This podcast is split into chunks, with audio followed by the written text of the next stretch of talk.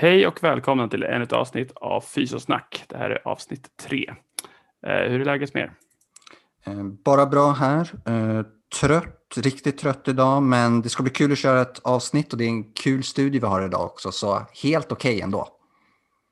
Ja, jag kan ta över trötthetsstafettpinnen där. Jag känner mig också trött, men också uppspelt för att jag har precis idag lanserat eller släppt den här smärtguiden som jag har jobbat ihop nu ett tag. Och det är en handbok för patienter eller personer med långvarig smärta som eh, vårdgivare kan använda sig av och dela ut till patienterna. Och vill man ladda ner den gratis så kan man göra det på smartguiden.org och även läsa lite mer där. Supersnyggt jobbat Peter, jättebra. Den är, ja, den är riktigt fin den. Tack så mycket, tack. Jag är ganska nöjd faktiskt. Mm, den är bra, jag har läst den. Och hade alla rätt på provet, så nu är jag smärtspecialist. Har du, har du redan hunnit läsa den? Mm. Visst är det också så att den finns på fysiosnack.wordpress.com som är en superbra eh, hemsida? Ja, men det stämmer mycket bra det Fredrik. Och där kan man också läsa vår blogg till exempel. Du har skrivit två stycken blogginlägg hittills och eh, fler kommer ju att komma. Vi har även lite andra gratis resurser där, så kolla in eh, fysiosnack.wordpress.com.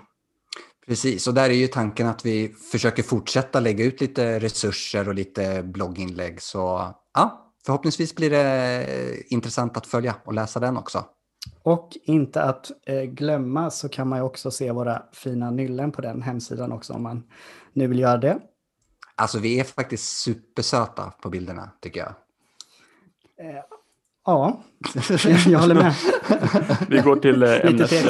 Precis, vad ska vi ha för tema idag Daniel? Ja, idag ska vi presentera en studie som eh, jämför just hälkilar mot eh, excentrisk träning. Eh, och eh, studien heter då Efficiency of heel lifts versus calf muscle eccentric exercise for mid portion Achilles tendinopathy. Och det är en eh, RCT. Den är gjord av Chantel et al. Och syftet var då att jämföra behandlingsmetoderna hälkilsinlägg mot excentrisk vadträning utifrån smärta och funktion vid midportion Achilles tendinopathy. Med andra ord Achilles eh, tendalgi i mitten av senan. Eh, den valda metoden var en RCT som utfördes i Melbourne i Australien. Det var totalt 100 deltagare i studien varav 52 var kvinnor och 48 män. Medelåldern var 46 år och deltagarna hade i snitt haft besvär i 2,8 år. Deltagarna hade en kliniskt bekräftad diagnos och med ultraljudsbekräftad tendinos av den mellersta delen av hälsenan. Deltagarna slumpades till hälften i vardera grupp och det primära utfallet mättes med ett visa-a svarsenkät efter tre månader. Skillnaden mellan grupperna analyserades med intention to treat. Resultatet blev att 80% av deltagarna kunde följas upp efter tre månader. Medelvärdet utifrån enkätsvaret blev 26 poäng i hälkilsgruppen och 17,4 i gruppen som fått excentrisk träning av vadmuskel. Medelvärdet som skilde mellan grupperna var därmed 9,6 vilket var en fördel för hälkil men nådde inte upp till den minimala nivån på 10 för att kunna bedöma att skillnaden var viktig. Slutsatsen av studien där man ville utvärdera en hälkil i avlastande syfte mot att istället belasta senan var att hälkil var effektivare men att skillnaden var så liten att patienten kanske inte ens upplever en effektskillnad mellan de här två metoderna.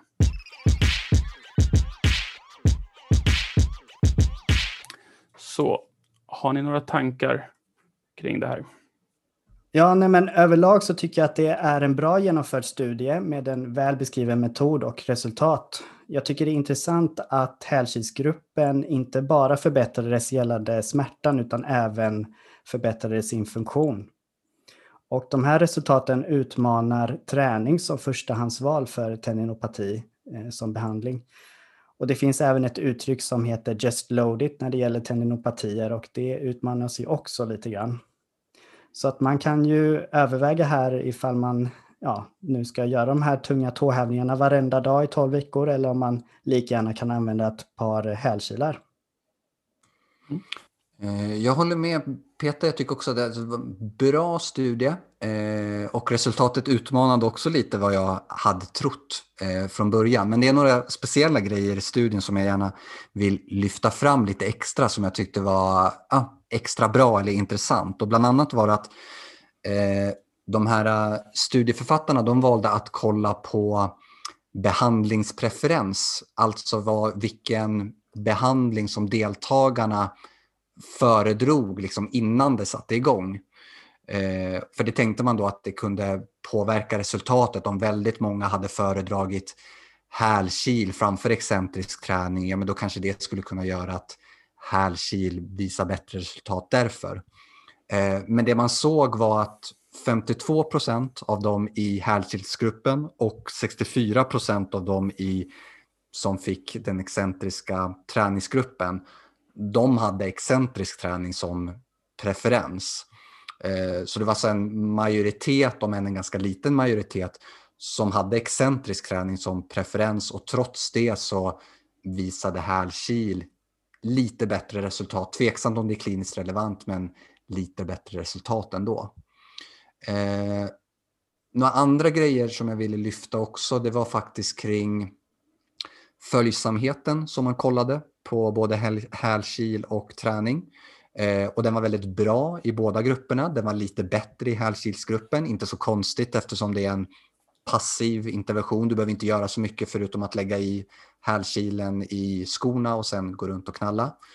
Men det man kan fundera på att även om det var bra i excentriska träningsgruppen, det är att finns det en möjlighet att man kanske kan ha överdrivit lite hur noga man var med att följa träningen? Eh, jag tror inte att jag hade gjort den här träningen varje dag i 12 veckor och jag tror att jag kanske också hade överdrivit lite hur mycket jag faktiskt gjorde den träningen. Nu vet vi inte, men det var en sak jag funderade på i alla fall. Mm. Ehm, jag tycker att studien också var bra. Det var väldigt intressant att det blev det här resultatet. Samtidigt så kan man ju också tänka sig att det hade kunnat sett lite annorlunda ut om man inte hade haft bara 12 veckor utan att man också hade följt upp det på lite längre tid. Eh, normala rehabprogram för senor är ju oftast längre än 12 veckor.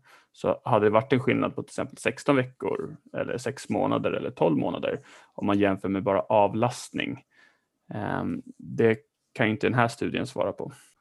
Nej, Nej absolut. Eh, och jag tänker där är det också lite intressant att utifrån den populationen det var i den här gruppen med att det var medelålders, det var inte liksom anmärkningsvärt aktiva. Man kan också fundera, hade det sett annorlunda ut om man hade gjort den här studien på aktiva yngre idrottare? Det vet vi inte heller, men ja, möjligt.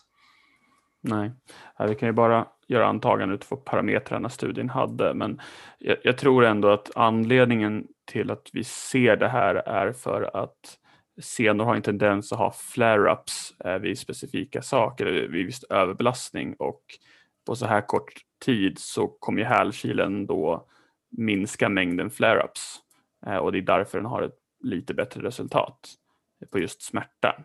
Medan träning kanske eller troligen skulle ha bättre effekt på längre tid. Intressant att bara nämna, vilket du nämnde i presentationen av studien också, vilket bara gjorde att jag blev ytterligare lite förvånad av resultatet, det var ju att deltagarna hade haft, haft ont så jäkla länge. Vilket mm. i min värld skulle gjort det mindre troligt att hälkilen hade hjälpt och mer troligt att träningen hade hjälpt när man hade haft ont så länge än om det hade, de bara hade haft besvär i ett par veckor. Eh, så det mer tyckte jag att ah, det var intressant. Det gjorde att det ytterligare utmanade mina förutfattade tankar om det här. Ja, det som jag tycker också är bra med att det är långvariga besvär är att det här på något vis lite grann utesluter någon form av regression to the mean, att det liksom går över av sig själv, utan effekten vi ser är antagligen utifrån interventionen vi, vi lägger till. Och eh, jag tror fortfarande att varför vi ser det här är för att det minskar mängden flare-ups under den korta perioden. Eh, det, är min, det är min tanke i alla fall. Jag tycker också att det är positivt att nu om de här deltagarna haft, hade haft problem så här länge i medel 2,8 år, att man genom en sån här relativt enkel metod kan förbättra deras både smärta och funktion med hjälp av en hälkil. Mm. Kostnadseffektivt. Eh, de kliniska implikationerna, hur på, skulle du säga att det här påverkar ert kliniska arbete?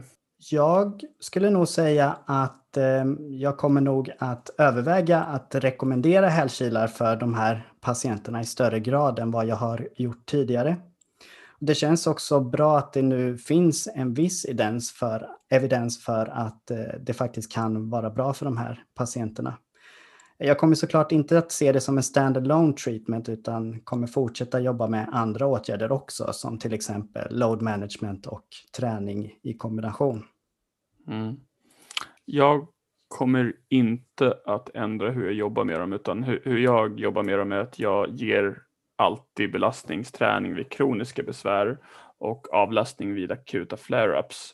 Jag skulle eventuellt kunna ge hälkilar vid kroniska besvär om det finns en, ett copingproblem med den vanliga eh, livsaktiviteten, att de har svårt med något jobb eller svårt med någon idrott om de inte har hälkilarna i. Men jag skulle inte använda det som en isolerad behandlingsmetod för hälsenebesvär om de är kroniska. Jag kommer nog ändå tänka lite annorlunda. Jag har tidigare varit väldigt mycket att ja, men, vi ska på med belastad träning på en gång, självklart på en nivå som fungerar för patienten, men att ändå på med det direkt. Eh, ingenting att vänta på. Den här studien får ändå mig att reflektera över att ja, men, man kan också välja att köra hälkil eftersom det verkar funka lika bra. Sen skulle jag fortfarande vilja igång med träning efter ett tag, men att jag kanske kommer lugna mig med hur snabbt jag är på och tycker att man ska på med träning faktiskt. Så ja, spännande tyckte jag.